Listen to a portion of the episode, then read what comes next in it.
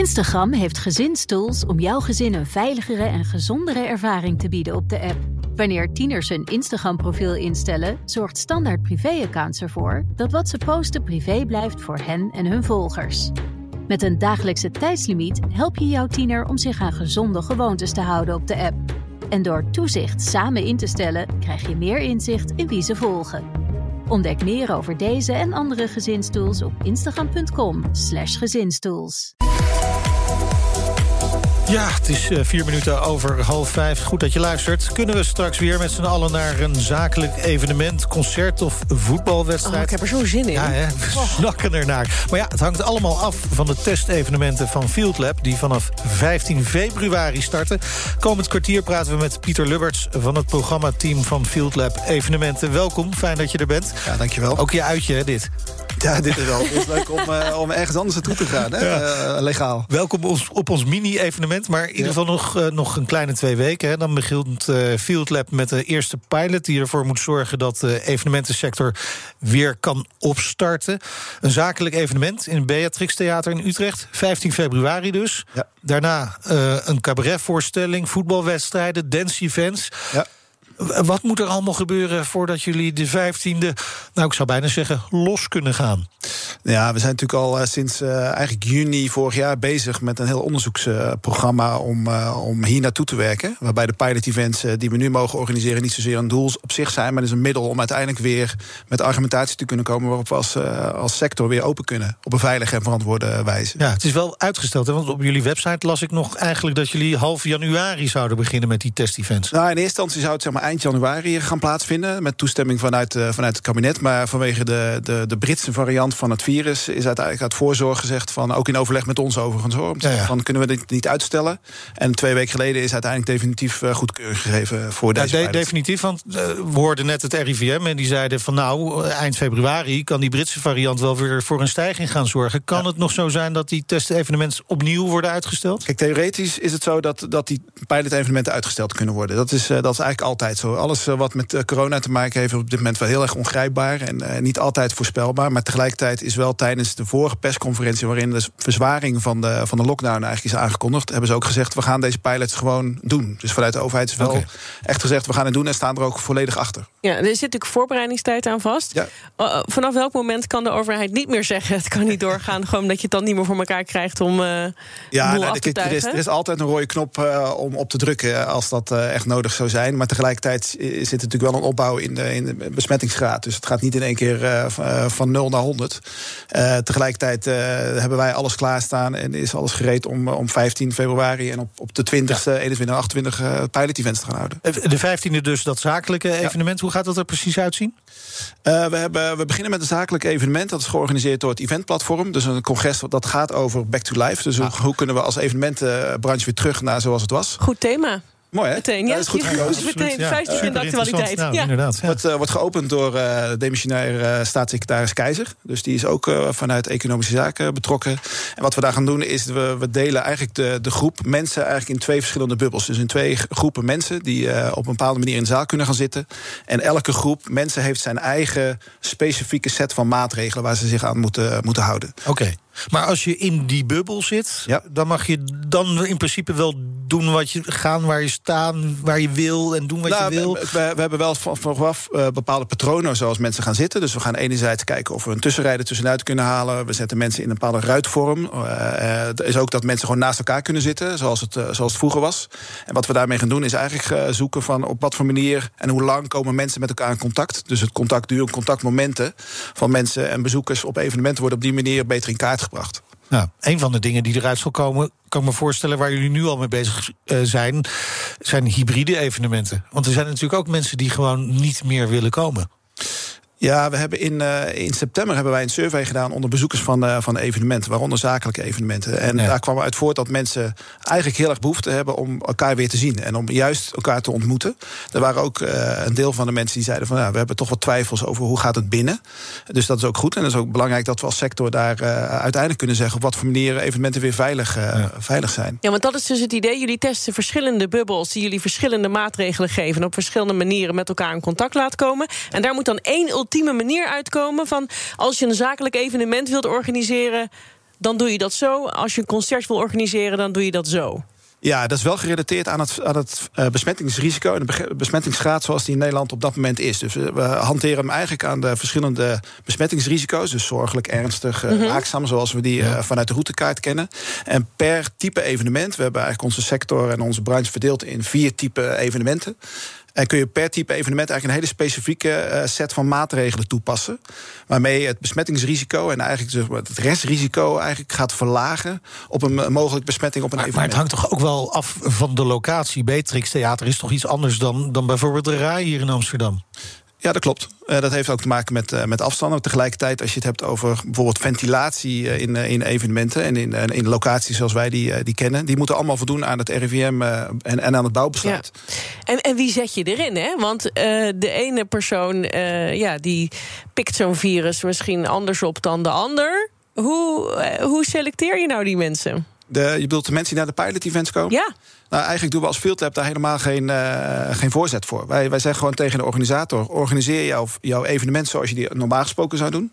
Want anders zijn we eigenlijk met een soort van vooringenomenheid eigenlijk die, die bezoekers aan het selecteren. En wij willen zo natuurlijk mogelijke omgeving nabootsen.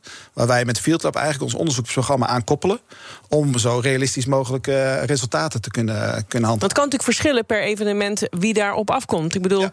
congres van 50 plus ziet er net even anders uit dan, ik noem maar even wat, uh, die JOVD. Ja, maar als je kijkt naar het, het, evenement wat op 15 februari wat georganiseerd wordt op het eventplatform, is wel gewoon een hele brede ja. doelgroep. Van, uh, van, van jongen naar wat ouder.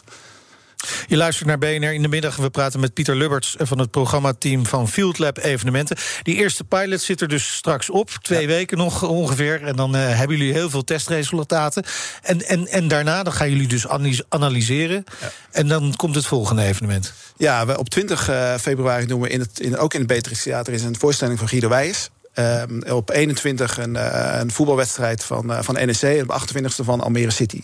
En daarnaast hebben we nog vier andere pilots in, in optie staan. Dat is een, dat zijn twee concerten, een concert en een dance event in de, in de Ziggo Dome hier in Amsterdam. En de andere is twee festivals, een muziekfestival en een dancefestival in, in Biddinghuizen. Dan zijn we nu met de overheid aan het kijken op welke data gaat dat plaatsvinden. Maar wij verwachten zeg maar rond, rond ja. maart. Ik, ik, vind, ik vind die, die, die voetbalwedstrijden ook wel buitengewoon interessant. Het is ook geen gezicht om naar die lege stadions te kijken. Bovendien, ik zou graag weer een keertje daar langs willen gaan. Ja. Maar ja, het onderdeel daarvan is toch ook een beetje je clubje aanmoedigen. Ja. Het zingen. Ja, zingen, juichen, Schreeuwen, juichen. Nou, we hebben ook eigenlijk ook daar werken we met bepaalde... als uh, ja, nee, clubje scoort. En waar, daar werken we ook met bubbels. Ja. Waarbij okay. de ene helft eigenlijk, of één deel van de bubbels mag juichen en alles eigenlijk doen wat ze, wat ze willen. En daarmee gaan we niet aantonen of er een uitstoot is van deeltjes. Daar kijken we ook weer naar die bezoekersdynamiek. Tegelijkertijd hebben we ook samen met de TU Twente hebben we een onderzoeksprogramma waarbij we ook gaan kijken naar de uitstoot van deeltjes. Als mensen juichen, springen, schreeuwen, et cetera. Ja. En dat doen we ook bijvoorbeeld met TNO. Als we in de theatersetting zitten, hebben we daarnaast een laboratoriumsetting waarin we de uitstoot van deeltjes eigenlijk nabootsen in een laboratorium. En dat, dat leggen we dan weer naast de resultaten uit, uh, uit de pilot, uit de praktijktest. En iedereen die meedoet, die wordt constant getest, elke da daarvoor en daarna ook, om te, om te monitoren van hoe. Nou, het is niet zozeer het monitoren van of uh, iemand besmet is geraakt. Want daar is het niet voor bedoeld. Hm. Het is wel zo dat iedereen die naar een pilot event maar stel komt. nou dat je naar een pilot event bent geweest en heel vak K krijgt corona. Ja, maar wat we, wat we hebben gedaan is... iedereen die naar een pilot-event komt... wordt van tevoren PCR getest.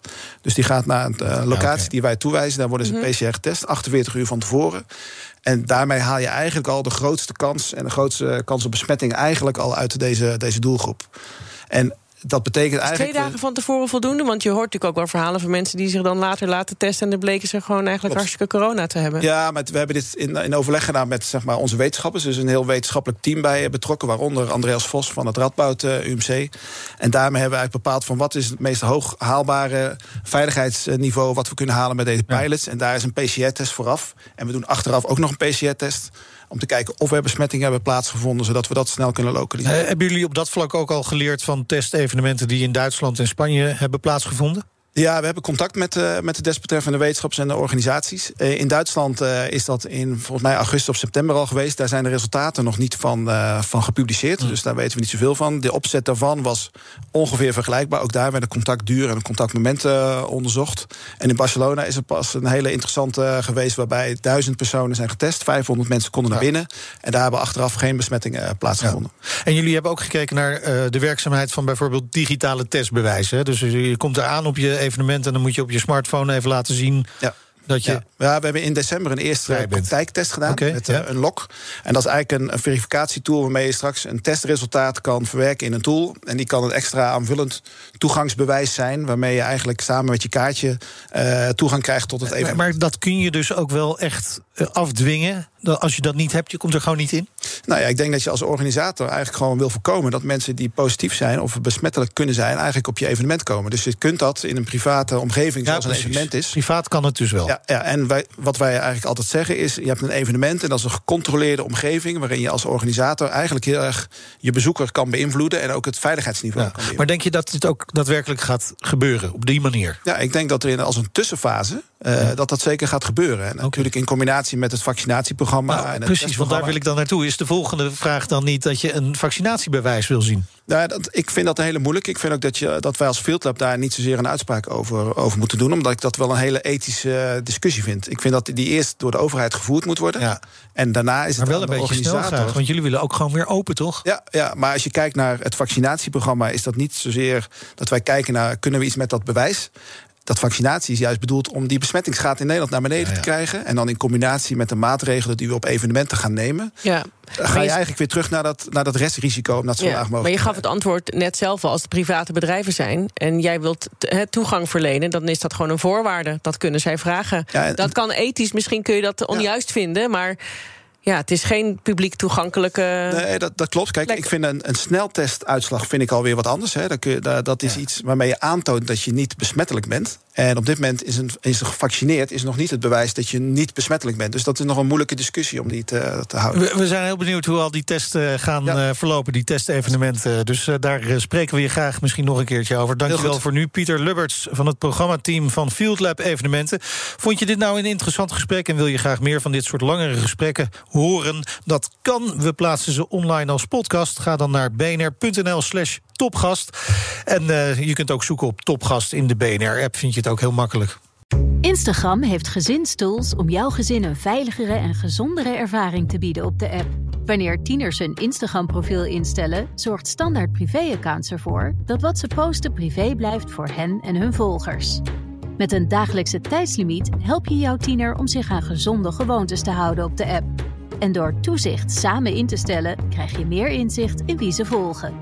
Ontdek meer over deze en andere gezinstools op instagram.com/gezinstools.